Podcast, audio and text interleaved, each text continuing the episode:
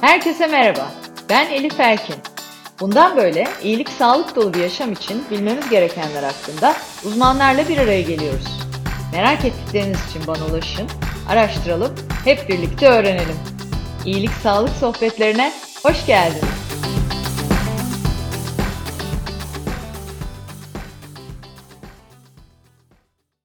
İyilik Sağlık Sohbetleri'nin yeni bölümüyle karşınızdayım.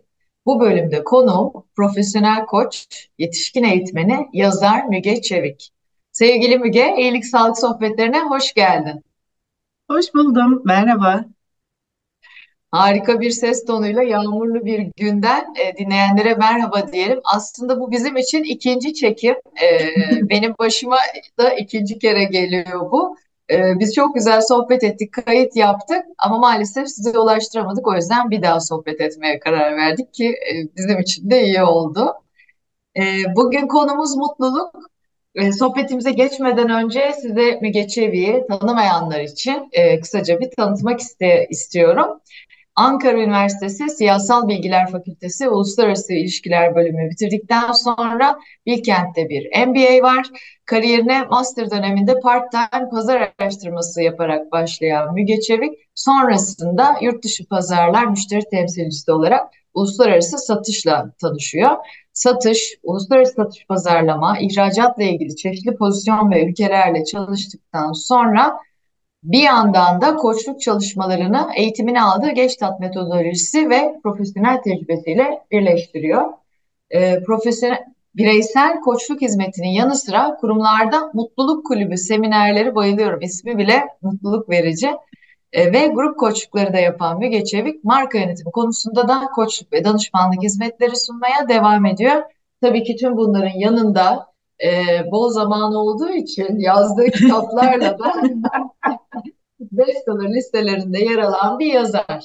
Tekrar hoş geldin. Evet. Güzel giriş için ben üç kere daha gelirim. Sorun gel, yok. Gel gel valla ben kaydık üç kere daha. Aynen öyle. Süpersin. Şimdi tabii e, gerçekten enerji veren bir yanın var. E, hani bu hocanın dediğini yap, yaptığını yapma grubu diyorum ben onlara. Bir öyle bir grup var. Yani insan hani mutluluğu anlatıyor ama bitmiş yani hani şeyin suyun üstünde kalacak kadar enerjisi ve mutluluk seviyesindeyken şöyle mutlu olalım, şunu yapın, bunu yapın diyor. Kendi hayatıyla baktığında örtüşmüyor. Şimdi sende de tam tersi bir durum bence söz konusu ki bu çok kıymetli. Yani senin mutluluğun kitabını yazan kadın diye tanıyoruz. Mutluluk öğrenilir diyorsun hatta. Hayatta da hani seni ne, ne zaman nerede görsek elbette ki derdin tasan yok mu var. Ama bütünsel olarak baktığımızda sanki bir şeyleri de e, çözmüş, bir gizemleri de e, fark etmiş. E, sanki bir formülasyon aşamasına da e, geçmiş gibisin. Şimdi e, sen hep bunu söylüyorsun da zaten hani mutluluk öğrenilebilir. İnşallah da öyledir e, diyelim. Çünkü öğrenilemezse ve e, kahroluruz o zaman. Yüzde ellisi genetik bunu biliyoruz. Geri kalan kısmı da e, öğrenilebilir diyorsun. O yüzden senden önce bir reçete isteyerek başlayalım madem iyilik sağlık sohbetleri. Hani en temelde mutluluk nasıl öğrenilebilir? E, bu öğrenme sürecini kolaylaştırmak mümkün müdür gerçekten? Ee, süper. Şimdi bu e, buna biraz önce söylediğin o genetik kısımla başlayalım aslında istersen. Hani nereyi öğreneceğiz?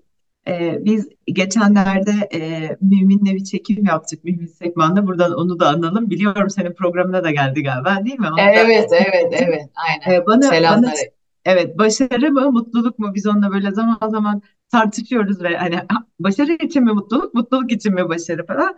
Bana şey diyor, senin yüz kasların doğuştan öyle yani gülmeye müsait. Dolayısıyla genetik olarak öndesin diyor. Şimdi bu tabii onun hani şamatası ama işin içinde bir doğruluk payı var. Şöyle yapılan araştırmalar Elif gösteriyor ki hepimizin doğuştan bir mutluluk seviyesi var.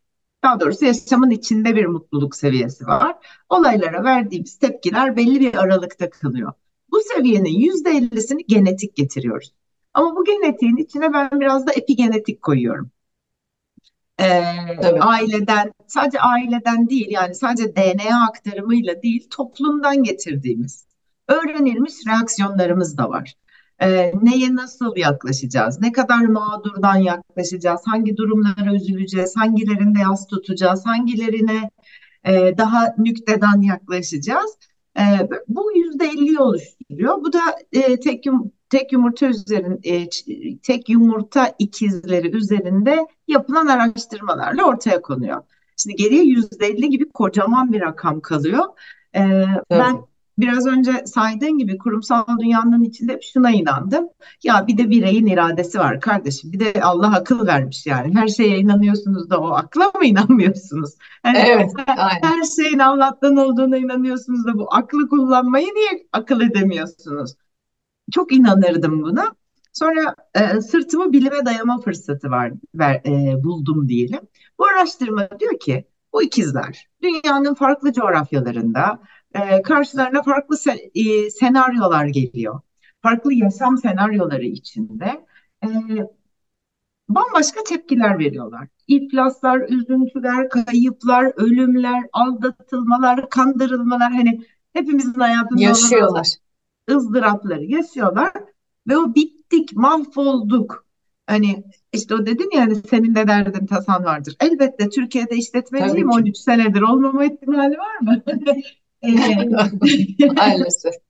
Evet, ama bu araştırmalar gösteriyor ki bu başımıza gelen hani bittik mahvolduk adam da beni terk etti kadın da gitti Allah bilmem ne oldu bu sadece ve sadece yüzde onunu belirliyor mutluluk seviyemizi. Geri evet, kalan yüzde on başımıza gelenler. Başımıza gelen o hani bittik mahvolduk daha da yüzüm gülmez.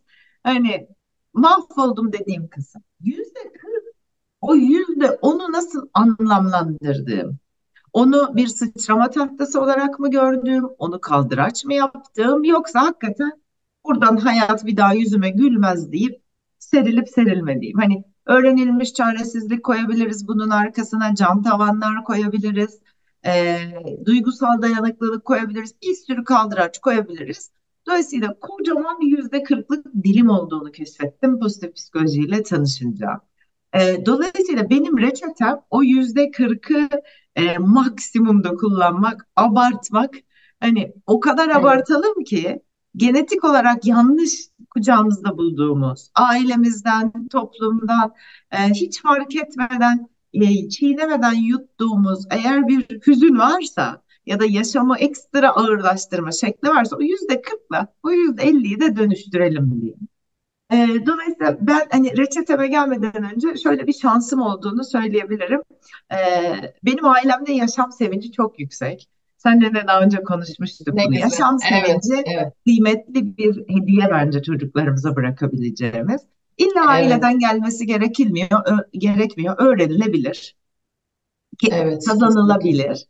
E, dolayısıyla hani o yüzde elli kısmında şanslı olduğumu düşünüyorum.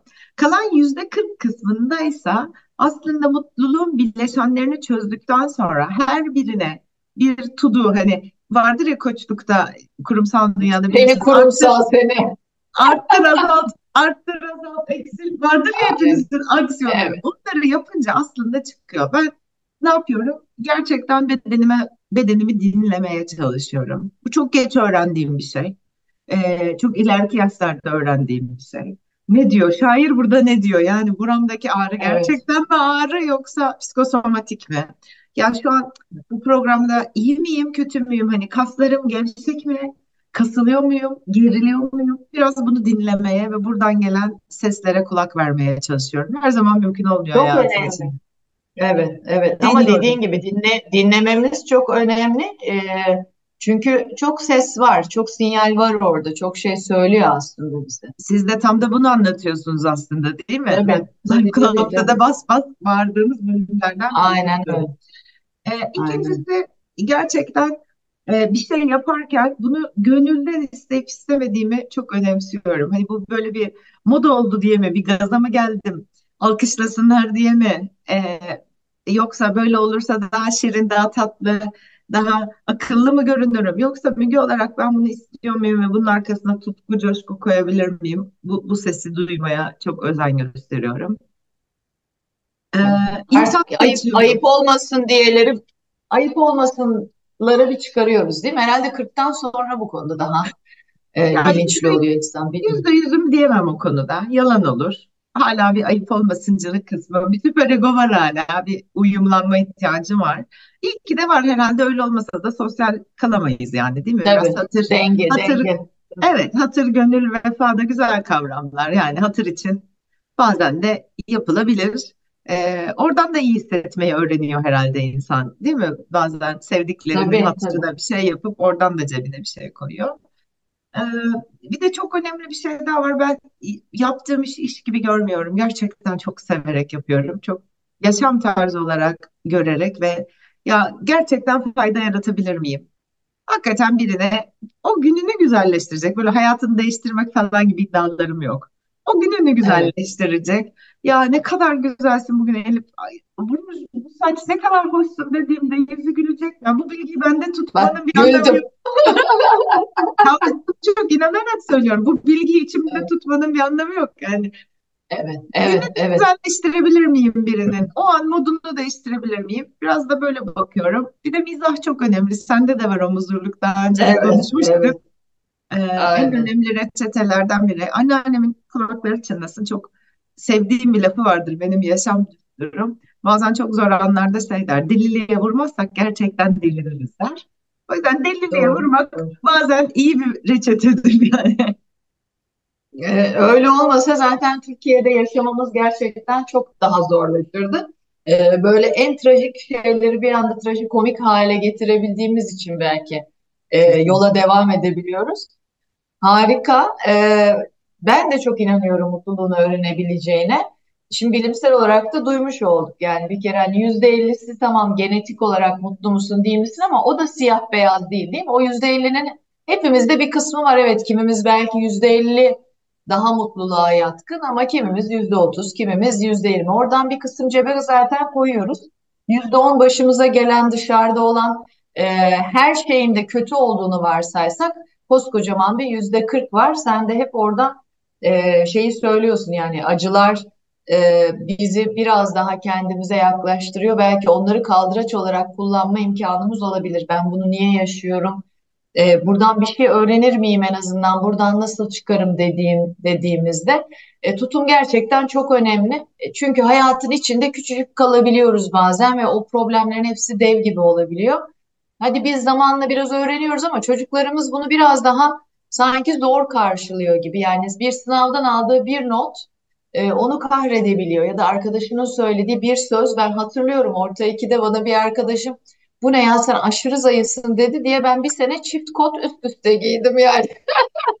Şimdi o günlerim bende olsa diye şu an biri bana aşırı zayıfsın desin diye para veririm. Aynen öyle, aynen öyle. Düşün yani e, ne kadar her şey bakış açısıyla bağlantılı. Peki çocuklarımıza nasıl öğreteceğiz bunu? Mutlu olmayı, hele ki ergenlerimize hani bu konuda nasıl önerilerde bulunabiliriz? Ee, hep söylüyorum ben bunu her her zaman çocuklarla ilgili konu geldiğinde anne olmadığım için en rahat işkembeyi kübradan atabileceğim, en rahat ukalalık yapabileceğim alan burası diye. Estağfurullah. Objektif de oluyor biraz.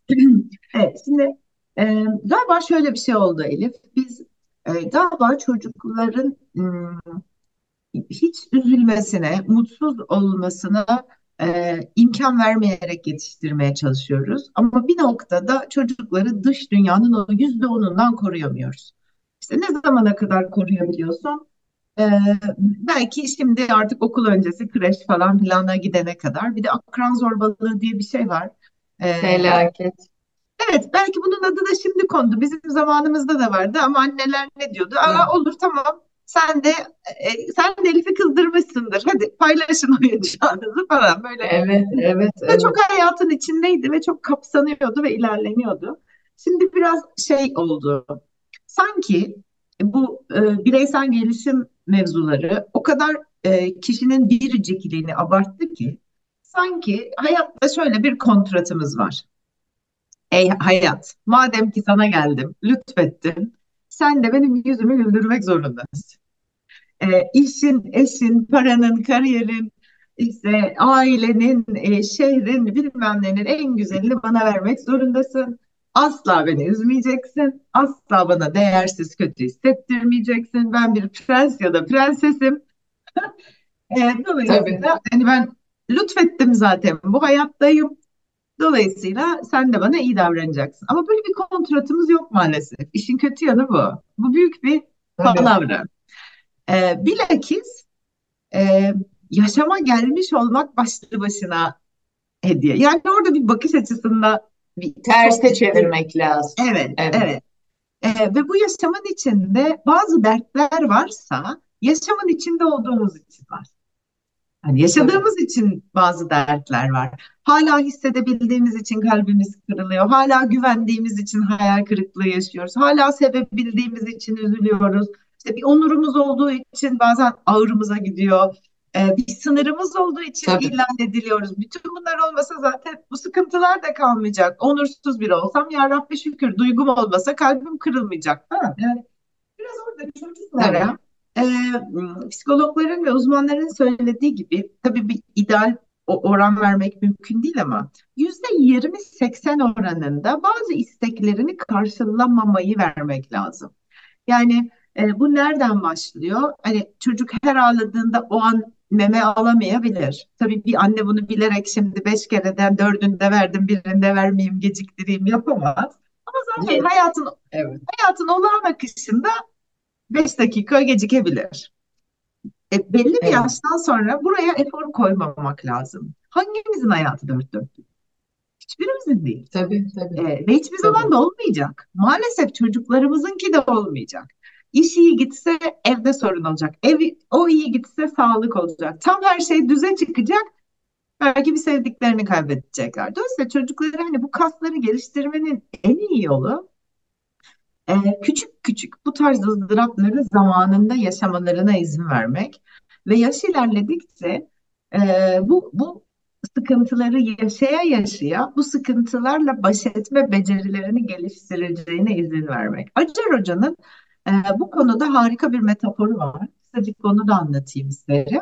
Diyor ki hepimiz tabii, hayatımızın Everest'ine çıkmak istiyoruz. Her çocuk kendi Everest'ini bulsun ve çıksın istiyoruz. Ancak Everest'e çıkmak hadi kalkalım da bu, bugün gidelim Everest'e çıkalım diyor olmuyor. Değil mi? Öncesinde küçük tepelere, dağlara tırmanman lazım. Egzersizler yapman lazım. İşte beslenmene, ona tabii, buna dikkat etmen lazım. Ha? Ve e, yavaş yavaş çıkıp belli kilometrelerde, belli patikalarda dinlenip bir kendine gelip hani bir tırman, bir düzlük, bir tabii, tırman, bir düzlük. Nefes ala ala ve kendine gele gele uyumlana uyumlana o basınca öyle çıkman lazım. Biz ne yapıyoruz? Biz çocuklarımızı zirvenin en alt, hemen en alt dibindeki e, düzlüğe helikopterle bırakıp hadi evladım buradan sonra tabii. sen zirveye çık diyoruz. Arkadan ittire ittire, tabii, Ama çocuk hazır değil çünkü oraya kadar kendi gelmedi. Ciğerleri o basınca alışkın değil. Yeme içme alışkanlığı yok. Tırnaklarıyla kazımadı. Dolayısıyla çocuk için bir, o Everest anlamlı mı? Belki anlamlı değil. Bizim için anlamlı. İki, o tabii doğru. enerjiyi koymak kası yok. Öyle bir becerisi yok. O kadar tırmalamadı.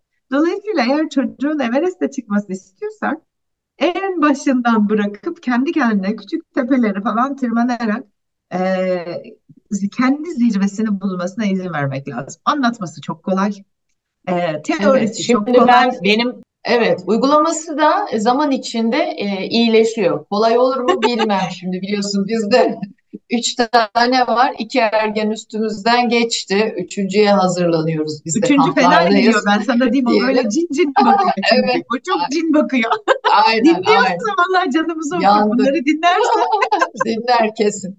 Vallahi bir o dinliyordur bak. Öbür ikisinin dinlediğini bile zannetmiyorum. Aynen oradan anla farkı. o Şimdi zaman çok e, doğru şey Bayılıyorum. söylüyorsun. Onun, onun piyano çalmasına bayılıyorum. Buradan söyleyeyim de fırça yemeyelim sonra. İyi yaptın. Vallahi öyle gerçekten o da seve seve çalıyor. Bayağı bir e, konsantre bu dönem.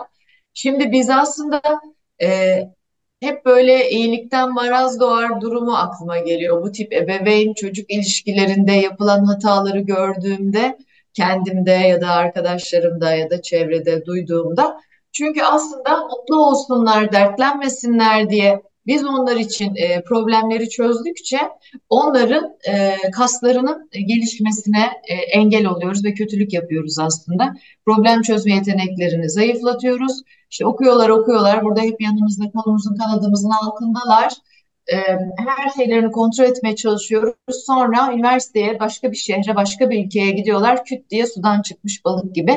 Belki daha büyük problem yaşıyorlar. Daha önce de konuşmuştuk. O örnek beni çok e, etkilemişti. Afrika'da bir kabile kadınların boyunları güzel ve uzun görünsün diye her yıl bir halka takıyor. Her yıl bir halka halka ve hani o belgeselde görmüştüm. Ben sürekli belgesel izlemiyorum ama izlediklerimden biriydi diye ee, yani boynu neredeyse hani 25 santime falan ulaşmış e, o halkalarla yaşadığı için.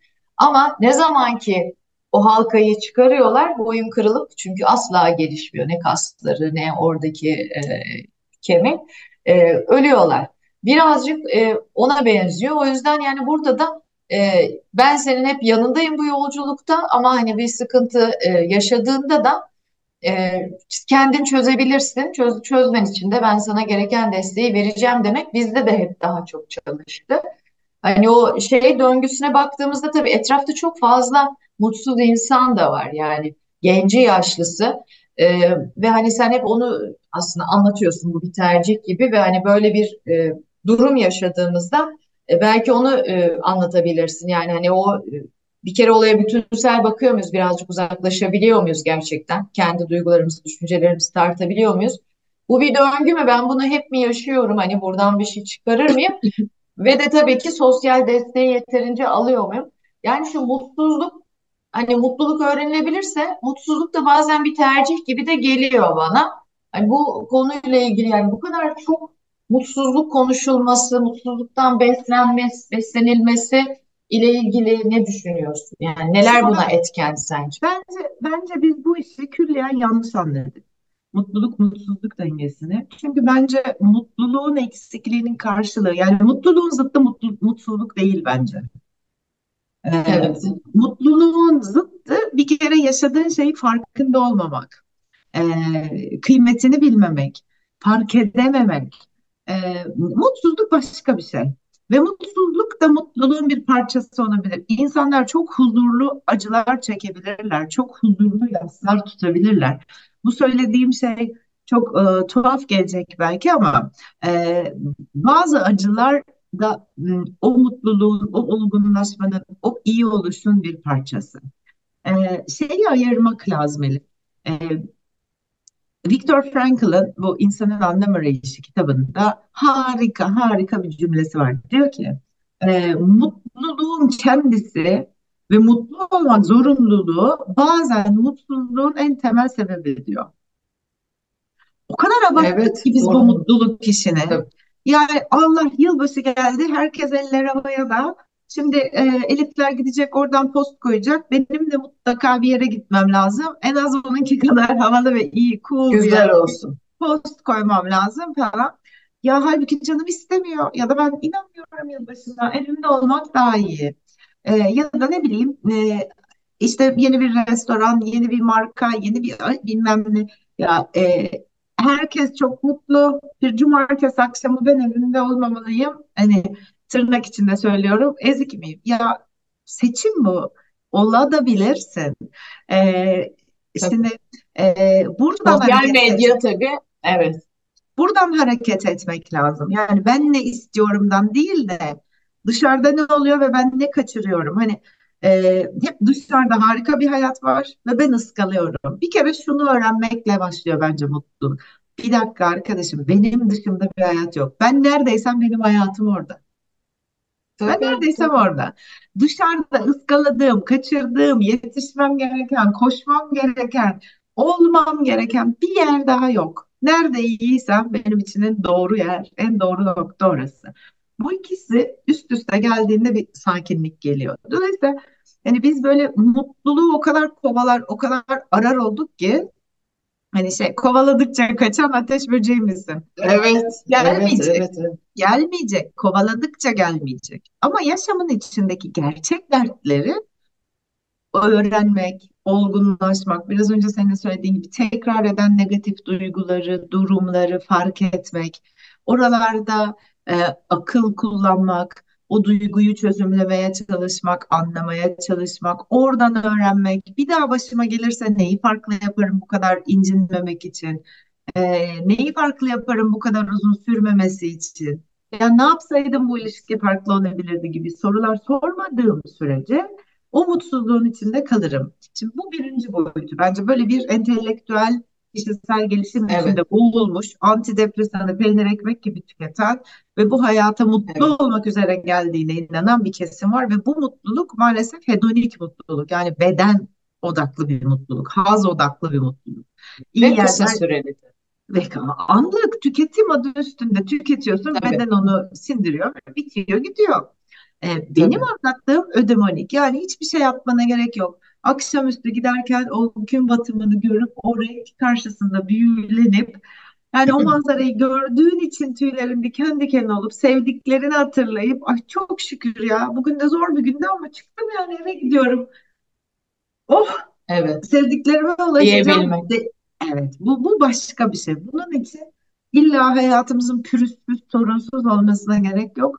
Hayatımız her yaşta kendince sorunlarla dolu olacak. Bugün e, ergenleri takıyorsun, yarın belki torunun bilmem nesini takacaksın Allah Tabii, tabii, tabii, tabii. Öbür gün Tabii, bilmem neyi takacağız. Yani hayatta olduğumuz sürece bir şeyleri takacağız. Bir şeyler iyi Evet, gidecek, bir şeyler iyi gitmeyecek. Dolayısıyla orada e, iki tane şey söylüyorum aslında. Bir, mutluluğu çok da abartmayın. Evet, neredeyseniz yaşam orada. Kıymetini bildiğimiz sürece, e, içinde olduğumuz anın tadını çıkartabildiğimiz sürece bu çok kıymetli. İkincisi de mutsuzluk bu memlekette biraz sempatik bir şey. Herkesin evet, sempatisini evet. kazanan bir şey. Kötü Mesela, gün dostu olmak diye bir şey var. Oysa ki ha, iyi gün dostu olmak daha zor bana sorarsan. aynen. Bir de böyle şey, e, bugün öyle şarkı sözleri geçiyor içime. Candan Erçetin diyor yani çok mu kalender sandınız dert anlatmayınca. Bu memlekette Evet, çok evet, dert anlatmayınca sanki daha çok üstümüze gelirler gibi algılıyoruz. tabii, E, oysa ki doğru. herkesin, herkesin en şahane görünen, her gün en harika postları yayınlayan insanların da hayatında hiç bilmediğimiz hikayeler, dertler, sıkıntılar var. Biraz kendimizde kalmak önemli. E, belki Evet, buradan harika. pozitif psikolojinin mutluluk tanımına da geçebiliriz. Hani Tabii, tabii. belki geçeriz. Tabii çok iyi olur. Çok iyi olur. Yani e, işin özünde aslında o mutluluğun hayatımızın bazındaki e, kat olduğuna bir bakmak lazım gibi. Yani o hayatımızın her yerinde olan bir seviye aslında mutluluk seviyesi. Anlık inişler, çıkışlar, mutsuzluklar tabii ki olabilir. E, bu kabulle e, ve ben şükretmeye çok inanıyorum. Hep böyle hatta çocuklarla da şükür defterimiz var. Bugün şükredecek iki şey, üç şey ne diye bir ara ara yazdığımız. E, çok olumlu etkileri olduğunu düşünüyorum ve e, şunu da çok net söylemiş oldun. Yani bir kere bu sosyal medyayı gerçek zannedip ona öykünme ile geçen bir hayat var. E, özellikle genç kesimde. E, bu da tabii gerçek zannettiğinden karşılaştırmayı doğruyla yaptığına yanlış karşılaştırma yapmasına ve olduğundan e, gereksiz yere bir de daha da mutsuz olmasına e, bağlanıyor.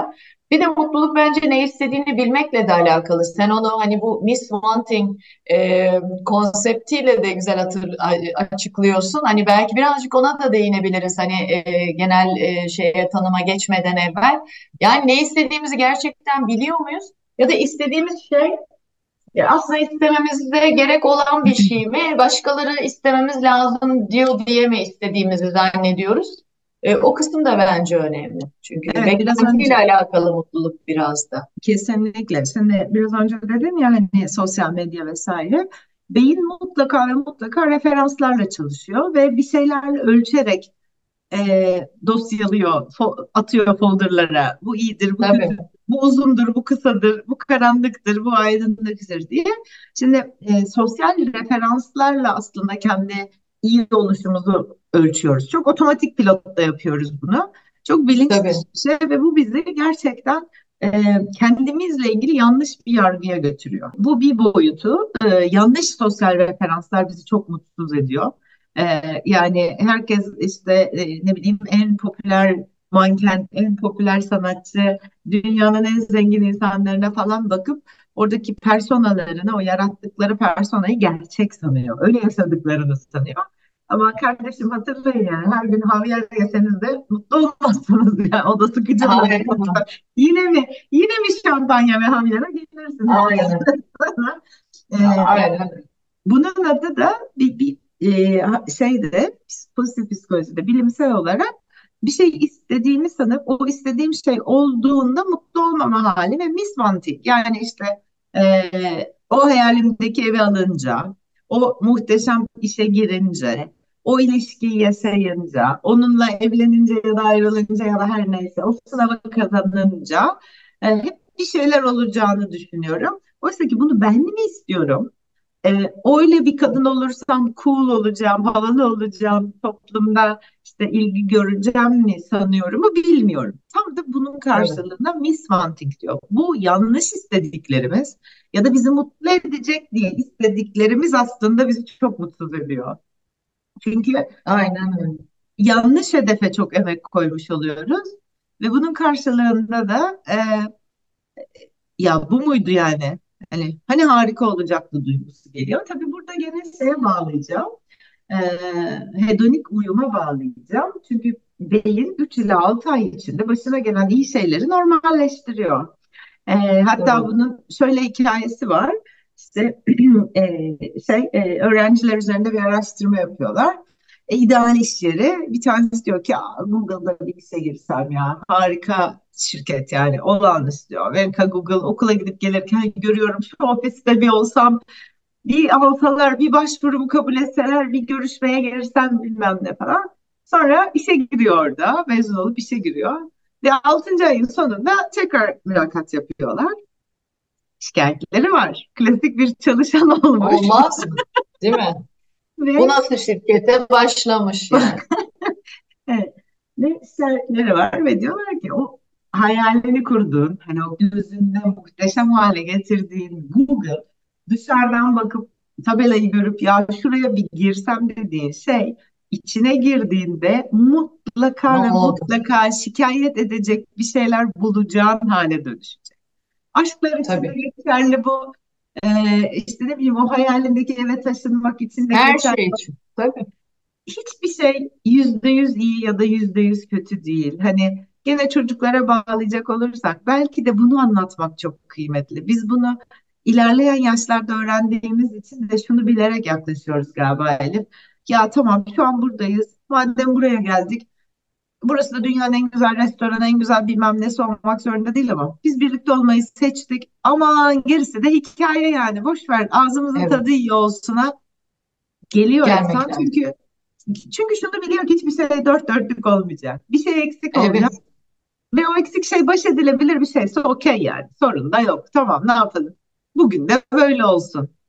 Evet. Bu yaklaşım, bu tutum zaten bence pek çok şeyi değiştiriyor hayatta. Ee, rahmetli anneannem eminim ki hepimizin anneanneleri, babaanneleri gibi çok söylerdi her işte bir hayır vardırı. Ne zaman ki gerçekten yürekten bir şeyleri de kabulleniyor insan, e, o bir kapı aralıyor gibi geliyor bana yani. Evet var bunda da bir hayır. Şu an göremiyorum ama göreceğim demek. Ya da dur bakayım ne olabilir bundaki hayır diye düşünmek e, bence pek çok şeyi değiştiriyor. Sen tabii çok güzel anlatıyorsun. Şimdi her şeyde birbiriyle ilişkili. Ee, senin e, bir de bununla ilgili kitabın da var, ilişkisi var diye. Yani e, biz de tabii Life Club tarafında da bunu çok net görüyoruz. Burada bir e, sağlık üçgeni var aslında yani bütünsel sağlık yönetimi dediğimiz zaman beden sağlığı, e, ruh sağlığı ve de sosyal ilişkiler bu üçünün de ayaklarının yere sağlam bas basması durumunda biz gerçek anlamda sağlıklıyız. Sadece hasta olmadığımız zaman sağlıklıyız anlamına gelmiyor. Dünya Sağlık Örgütü de bunu böyle tanımlıyor. Ve duygusal durumumuzun beden sağlığımızla net ilişkisi pek çok çalışmayla kanıtlanmış durumda. Özellikle dermatolojik hastalıklara baktığında neredeyse yüzde sekseni stres ya da duygusal e, problemlerden e, kaynaklanıyor. İşte sedef hastalığı gibi, e, ürtiker gibi farklı vücudumuzda çıkan e, yaralar dahi olabiliyor. Alerjiler, kaşıntılar, kızarmalar, egzema hepsi hepsi.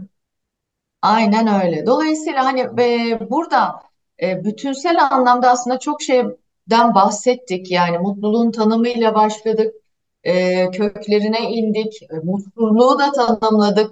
Burada ben e, hani o şeyi seviyorum yani mutluluk bütün hayatın boyunca senin nasıl baktığın olaya, bütünsel baktığın. E, aralarda iyi olan şeyler de sevinmek gibi geliyor bana. Hani ah buna çok sevindim. Yani o Evet, böyle daha pop-up geliyor işte senin o hedonik doğru. hazlar vesaire. Evet bunlar olacak ama e, nasıl ki sevinçler o kadar oluyorsa üzüntüler de olacak deyip hani bütünsel e, Bir de, tamamlamak.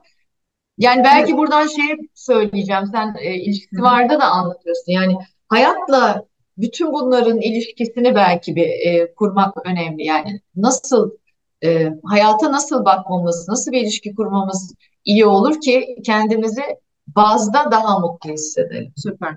Ee, şimdi e, tabii bu bir kere mutluluk bir duygu mu değil mi? Oralar çok kocaman bir tartışma konusu.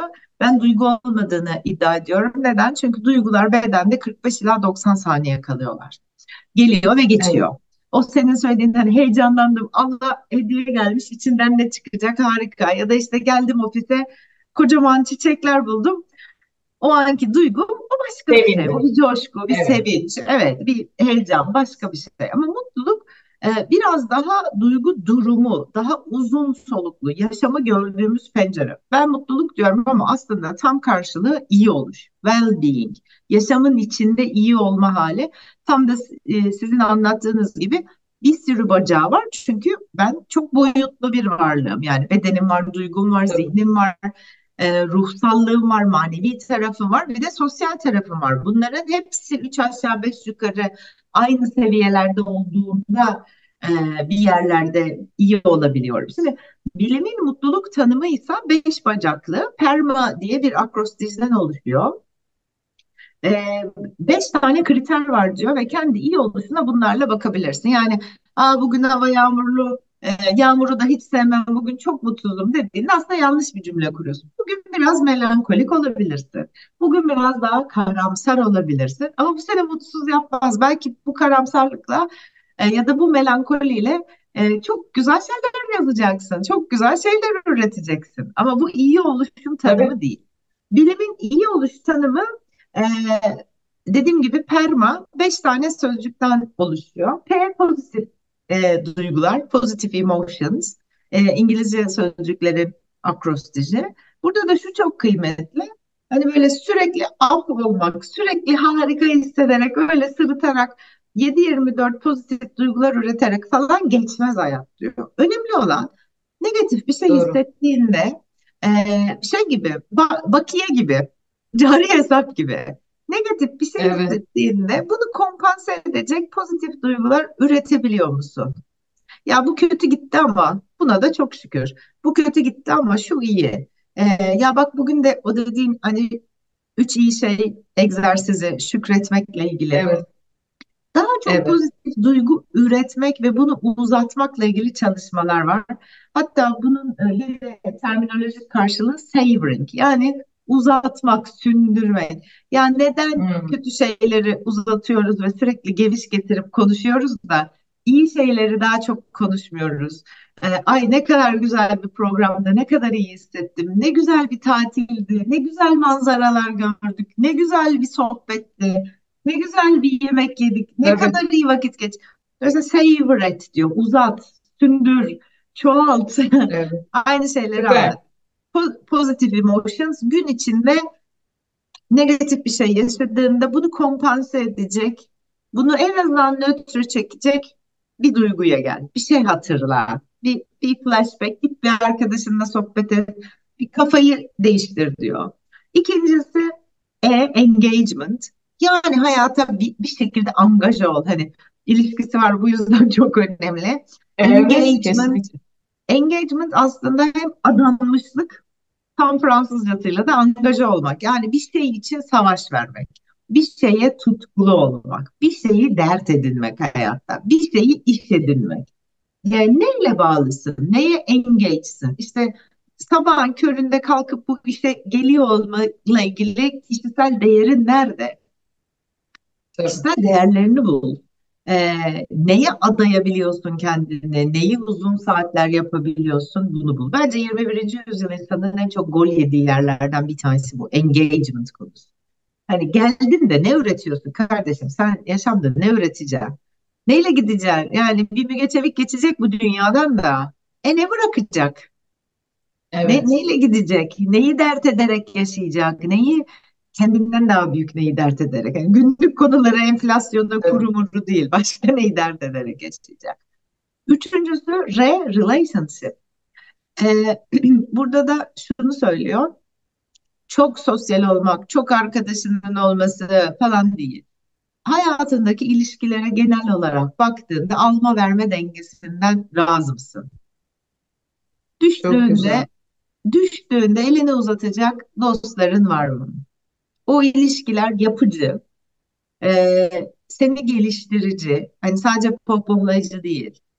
Ya Elif bak hayatta bir de şöyle yapıyorsun ama bak bir de böyle bak sen belki konu daha yumuşar diyecek dostların var mı? Hani her zaman doğruyu söyleyen, e, her zaman sana iyi hissettirecek şeyleri değil de zaman zaman doğruyu da söyleyip bu geri bildirimleri de verip ama yüzde yüz güvende hissettiğin ya bunu beni üzmek için tabii. söylemedi bir dakika Sevdiğini bildiğin, aynen öyle. Kesinlikle, evet.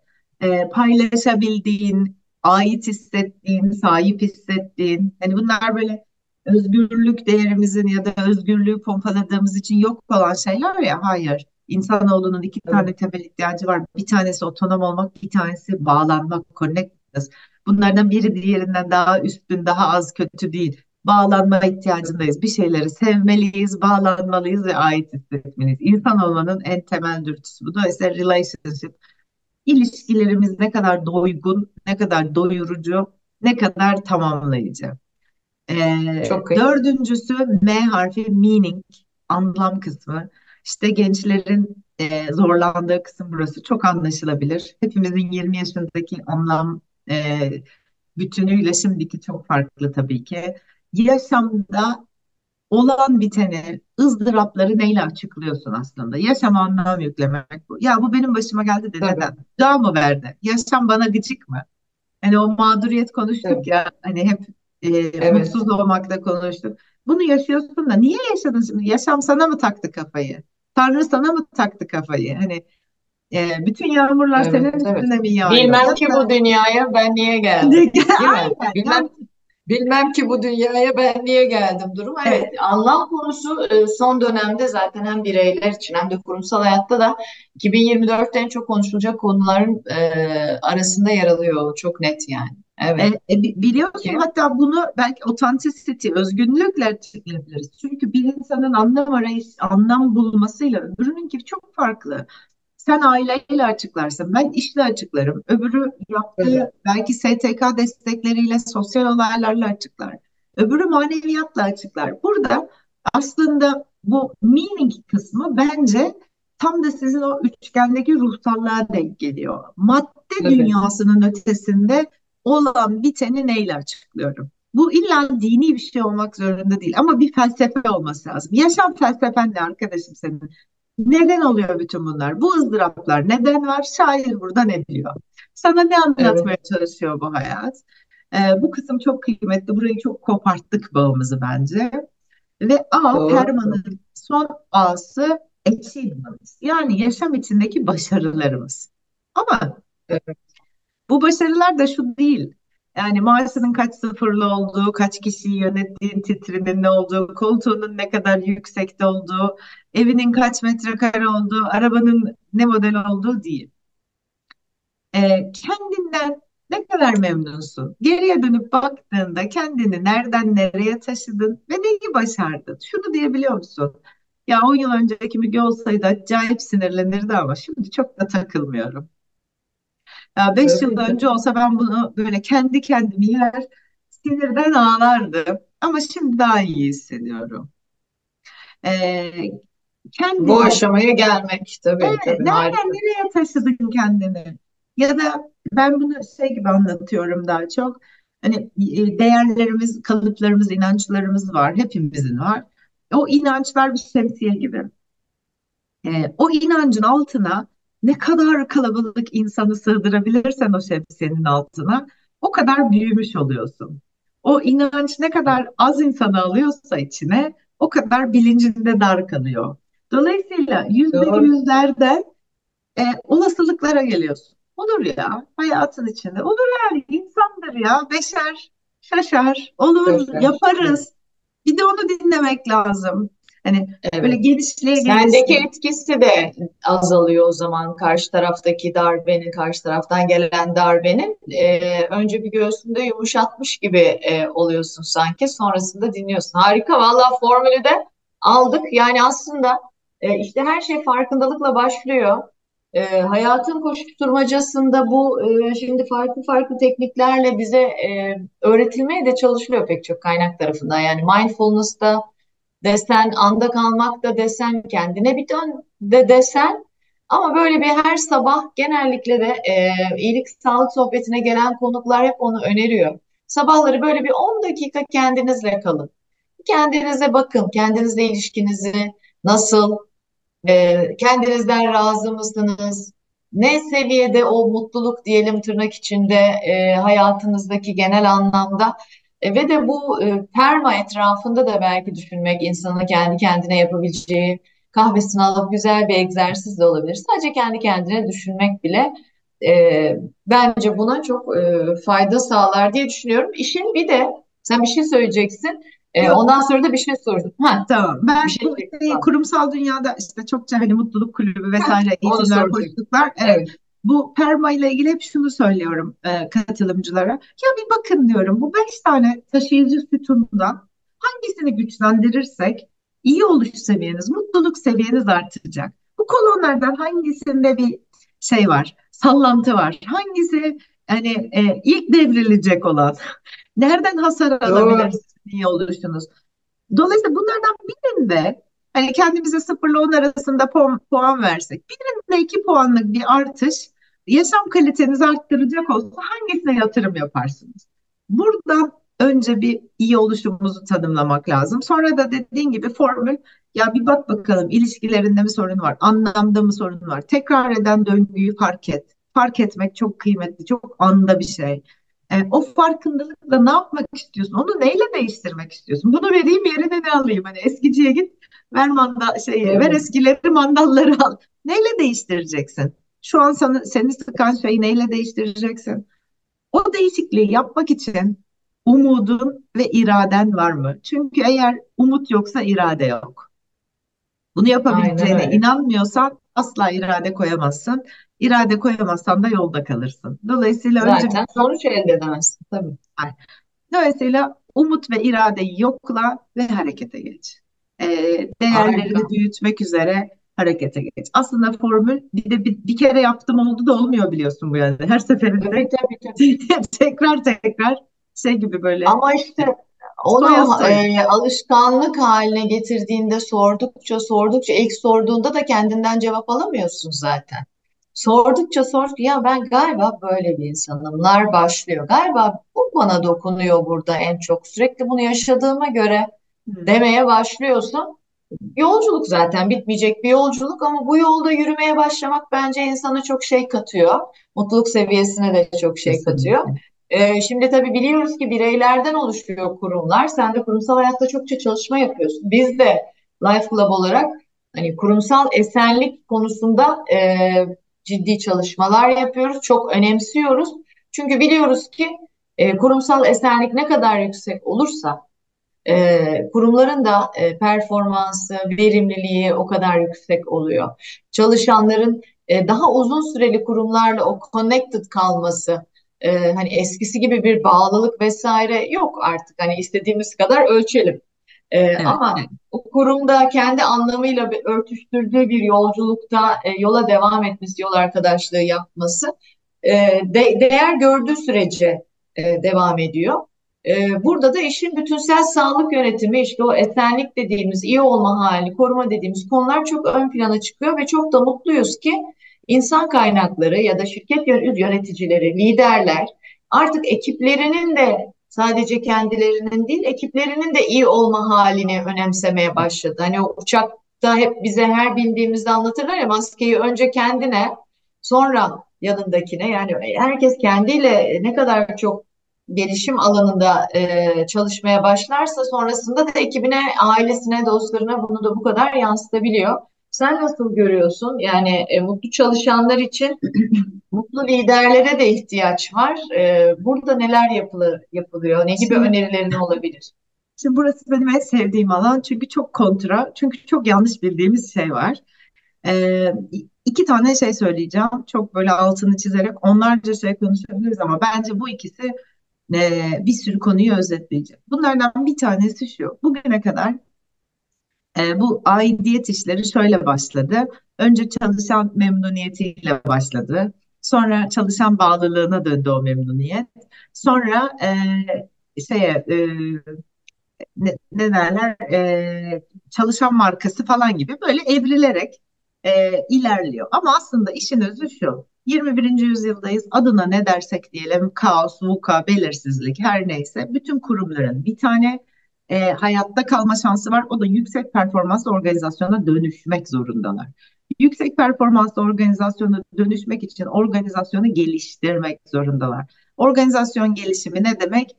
E, organizasyonun etkililiğini arttırırken çalışanların iyi oluşunu en kötü ihtimalle korumak ve geliştirmek demek. Dolayısıyla bugüne kadar yapılsa iyi olur. Hani nice to do dediğimiz işler artık must to do işler. Çünkü e, Harari diyor ki e, çok seviyorum o 21. yüzyıl için 21 ders kitabını ve pandemiden beri de cayır cayır anlatıyorum. E, arkadaşım diyor kaç yaşında olursan ol e, bugüne kadar seni başarılı kılan yetkinlikler artık seni başarılı kılmayacak. Çünkü içinden geçtiğimiz çağda e, her bir bireyin iyi oluşu için e, çok zorlayıcı koşullar var.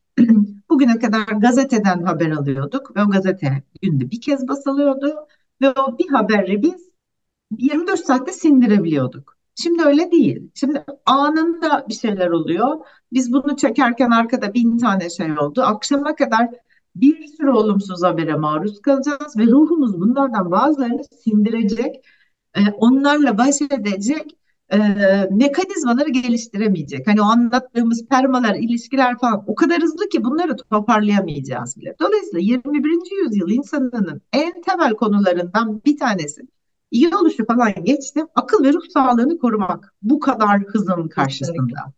Dolayısıyla çalışanlar artık bunu iş yerleri istediği için yapmayacaklar. Çalışanlar hangi seviyede olursa olsun hatta çalışmayanlar 21. yüzyıl evet, evet. içinde e, sağlıklı kalabilmek, beden, akıl ve ruh sağlığını koruyabilmek için duygusal dayanıklılığı öğrenmek zorundalar. Hani bunu bunu bilmeyen e, problem çözme becerisine sahip olsa ne olacak? Hep karamsar bir tondan görecek. Bunu bunu evet. bilmeyen e, karar verebilse ne olacak? Ya da insan yönetebilse ne olacak? Düşünsene bedbaht liderler, belirsizlik yüzünden ülser geçiren, mide krampları geçiren birilerinden ilham alır mı bu gençler? Asla almaz. Ya da biz alır mıyız? Asla almayız. E, hani dedin ya biraz önce bakıyorsun kendini yönetemiyor. Tabii tabii. Hani her metodolojisi var. Ben bana bazen soruyorlar. Ömürge bu iyi bir metodoloji mi? Ben de diyorum ki hiçbir metodoloji uygulayıcısından daha iyi olamaz. Uygulayıcısı da bakın onun yaşamında bir şey değiştiğini ve işe yaradığını görüyorsanız iyi metodolojidir. Doğrudur. Tabii. Yönetici için de öyle. Şimdi gelecek biri bana motivasyon konuşması yapacak ama ben bileceğim ki o stresi yönetemiyor. Böyle tırnak yiyor. Bitik yerlerde. He. Dolayısıyla birincisi bu. 21. yüzyıl e, artık çalışanı mutlu etme, çalışanın sırtını sıvazlama falan yüzyılı değil. İş yerleri kreş değil, iş yerleri mutlu olunacak yerler değil. İş yerleri iki yetişkin arasında kontratların yapıldığı, herkesin kendi iyi oluşundan sorumlu olduğu yetişkin iş yerler. Dolayısıyla birincisi şirketler çalışanlara e, bu imkanları sunabilirler ama bu imkandan faydalanmak çalışanın sorumluluğu. İkincisi Kesinlikle. çok önemli bir araştırma. Ee, insanlar hep şöyle sanıyor. Ben bir işe gireceğim. Şirket bana harika yan haklar verecek, işte Life Club'la bir araya getirecek, konuşmacılar getirecek, onu dinletecek bana bilmem ne benim iyi oluşuma katkı verecek. Ben de gideceğim daha üretken olacağım. Hayır arkadaşım, araştırmalar gösteriyor ki e, çalışanlar e, iyi olduğu için daha çok üretmiyorlar. İyi oluşu yüksek olanlar bir daha hızlı terfi ediyor. Daha çok kazanıyor yaşamın toplamında. E, kariyerle ilgili anlam bulma şekilleri farklı. Çünkü kariyere yani iş hayatına üç şekilde anlam yüklüyoruz. Bir tanesi sadece iş. Gidiyorum maaşımı alıyorum. İkincisi e, kariyer olarak görüyorum. O e, titrimle var oluyorum. Diyorum ki işte ben şu alanda uzmanım, burada yükseliyorum, burada bilmem ne yapıyorum. Üçüncüsü bunu bir lifestyle, yaşam şekli olarak görüyorum. Şimdi artık yaşam şekli olarak görenler, e, artık biliyoruz hani permadan da biliyoruz ya o anlamları, değerleri Evet, evet. uyanlar. Zaten bunlar yükselecek iş hayatının içinde. Neden? Çünkü öğrenme yüzyılındayız ve iyi oluşu olmayan insanlar öğrenemeyecek. Hani mutsuz birinin öğrenme hızıyla mutlu birinin öğrenme hızına baktığımızda O bile bilimsel, farklı değil mi? bilimsel araştırmalar var. Beyin mutlu olduğunda, mutlu olduğumuz anlarda o kadar hızlı olayları bağlayabiliyor ve o kadar çok olasılık yaratıyor ki e, üzgün anlarda büzüştüğümüzde ise çok olasılıkları kapatıyor ve öğrenemiyor. Hani şey gibi düşün. Bazen böyle kafamız kazan olur ve aynı kitabı okuruz okuruz o cümleyi beş kere okuruz ve anlamayız ya. An- Anlamayız. Tabii. Ama bazen de biri bir şey anlatır ve çok iyiyizdir. Hemen olayları bağlarız. Aa deriz çözdüm ya. Tamam. Şimdi böyle bir şey. Dolayısıyla 21. yüzyılda iyi olur. Artık lüks değil. Herkesin özellikle iş hayatında herkesin özellikle gençlerin neden gençlerin diyorum? Çünkü işte e, 2024'teyiz. E, bugün yeni işe başlayanlar 2050'de senin benim gibi olacak. Ben öyle diyorum. Çocuklar 2050'de Tabii. benim kadarsınız. Dolayısıyla Tabii, Evet. tabii, tabii, tabii. e, ve hala iş hayatının içinde. Ve 2050'nin teknolojisini bilmiyorum. Ne öğrenmeleri gerekecek? AI nerelerde olacak? Yapay zeka hayatımızın neresinde Tabii. olacak? Ne kadar dijitalleşmiş olacağız? Çok. Şimdi zaten üniversiteler kaldırılsın konuşuluyor. Peki Mesela uçuk ne kadar uçuk geliyor değil mi? Ama 5 yıl sonra 10 yıl sonra belki diyeceğiz ki evet ya ne mantıklıymış bu. tabii tabii aynen öyle diyeceğiz dememiz e, yakın. E, dememiz yakın şu anda diyenler de var. Peki e, hani e, böyle bir kurumsal hayatta dolayısıyla yani diyorsun ki sen önce bir bireysel olarak duygusal dayanıklılığını koru.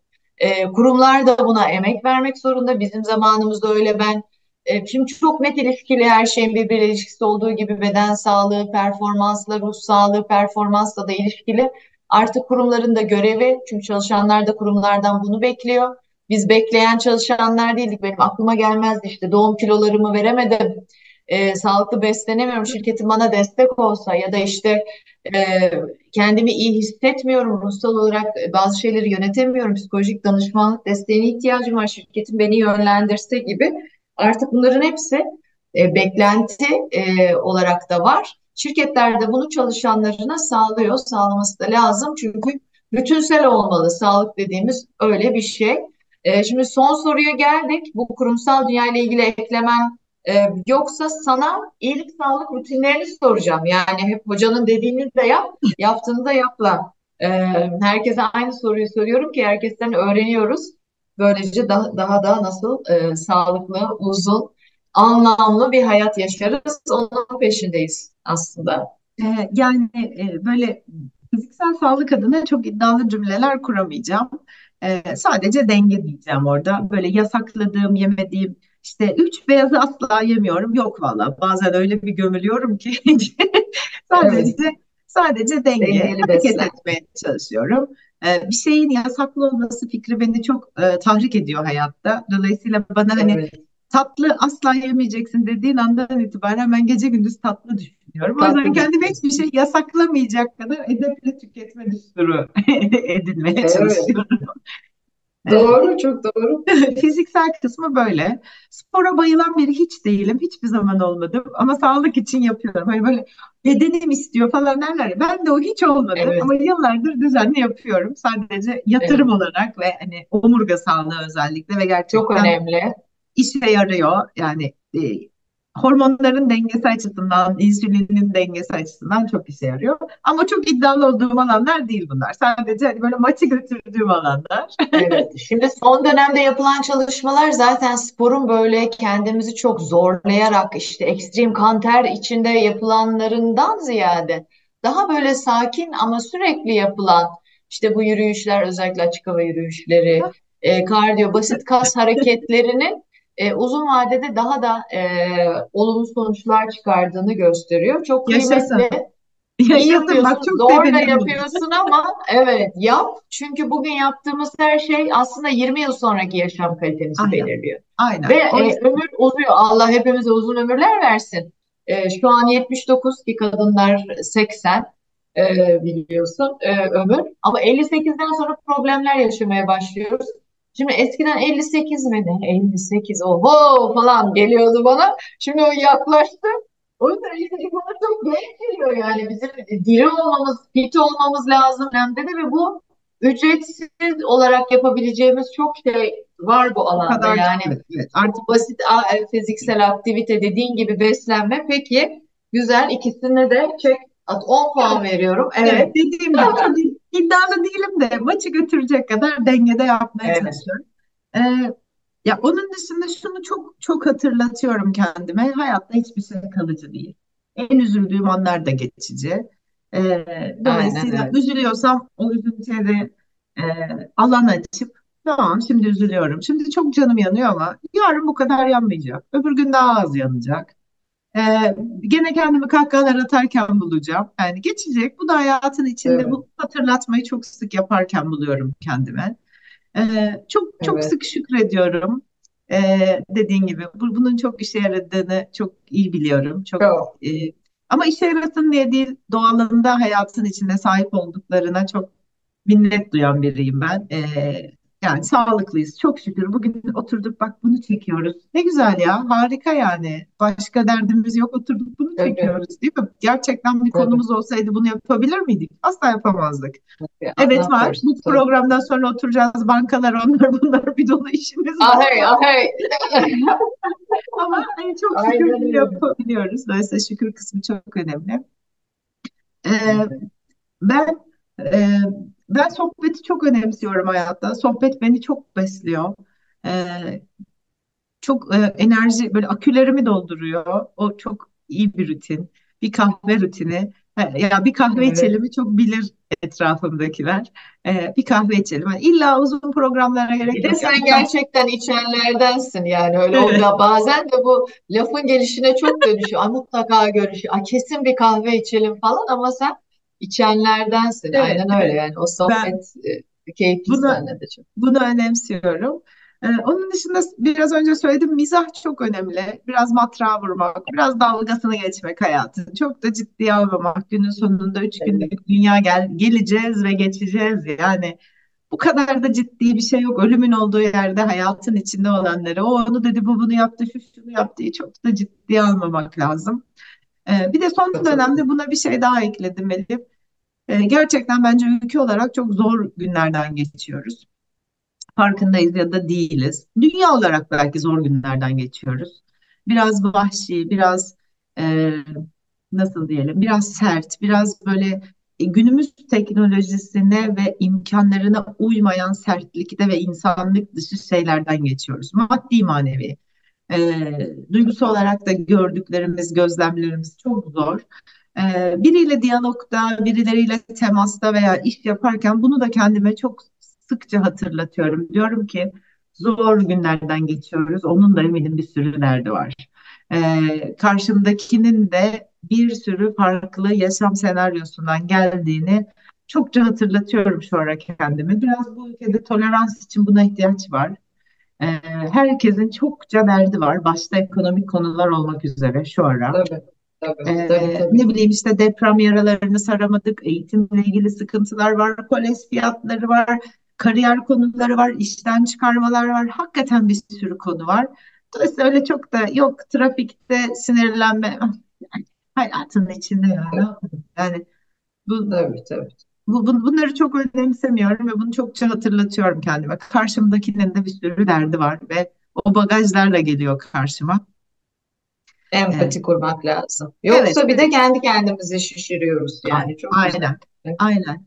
E, çok öyle şeylere çok takılmamaya, gerçekten üstünde durmamaya gayret ediyorum. Harika. Vallahi çok teşekkürler. Nefis e, bir sohbet oldu her zamanki gibi. İnşallah kaydedebilmişizdir ama kaydedemediysek de problem yok. Yine çekeriz, yine konuşuruz. Yine İyi çekeriz. aynen. Aynen öyle. İyi ki geldin. Bir kahve içelim. İçelim, bir kahve içelim. Şöyle deniz kenarı yosunu içimize çeke çeke, iyotu çeke çeke içelim. Vallahi. Biliyorum sen de seviyorsun. Ya bir müze gezelim Tamam. ya ya deniz kenarında yürüyelim. Anlaştık. Tamamdır. Tamam. Çok teşekkürler. Ben Görüşmek teşekkür üzere. ederim. Görüşmek üzere.